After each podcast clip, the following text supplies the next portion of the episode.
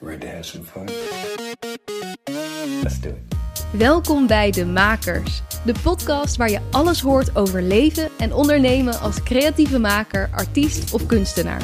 In deze shortcasts geef ik je elke werkdag een korte boost voor jouw makerschap. Sit down and begin playing. Shortcast 4. Originaliteit bestaat niet. Een quote in het boek Steal Like an Artist van Austin Kleon is: Originality is just undetected plagiarism. Originaliteit is niets meer dan onontdekte plagiaat. Als je gaat maken, wil je natuurlijk dat het iets is dat nog niet bestaat. Dat het vernieuwend is of origineel. Maar in feite is alles al bedacht.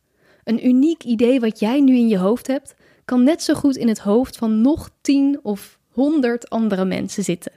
Jouw ideeën en gedachten komen altijd voort uit datgene wat jij eerder hebt gezien of gedaan of ervaren. Je zult nooit starten met een blank canvas. Je bent al beïnvloed door alles wat je hebt meegemaakt. Probeer dit te zien als een bevrijding. Als je altijd in gedachten hebt dat iets origineel moet zijn, kan dit je enorm blokkeren. Je ziet iets wat erop lijkt en denkt: ja, zie je wel, het was toch geen origineel idee. Of je gebruikt het als excuus om niet ook iets te gaan doen. Ja, zie je wel, het bestaat al, dus het heeft geen zin als ik ook zoiets ga maken. Ga er gewoon bij voorbaat vanuit dat niks dat jij bedenkt origineel is. In aflevering 12 sprak ik multidisciplinair kunstenaar Daan Kauzijn.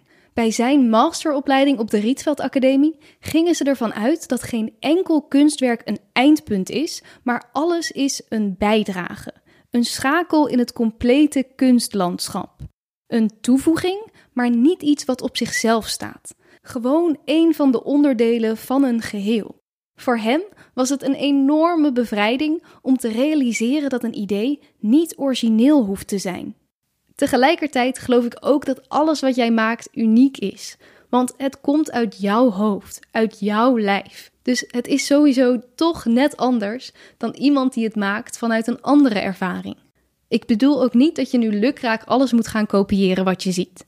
Maar soms helpt het in een maakproces ook wel eens om je te laten inspireren door de werkwijze van een ander.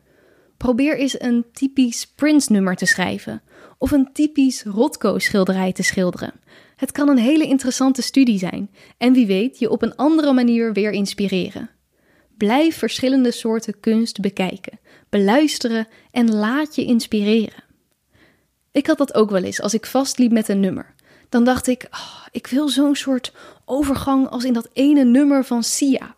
Dan ging ik uitzoeken wat het was dat zij daar deed. Niet om het letterlijk te kopiëren, maar om ervan te leren. En vervolgens met die nieuwe kennis weer verder te werken aan mijn eigen werk. Steal like an artist. Zoek deze week een artiest of een werk uit waar jij wel iets van zou willen stelen. Zoek uit waar het hem dan in zit en hoe jij dat in je volgende werk kan verwerken. Succes en heel veel maakplezier. Vond je dit een interessante of leuke aflevering? Heb je er iets aan gehad? Volg of abonneer je dan op de makers in de podcast-apps.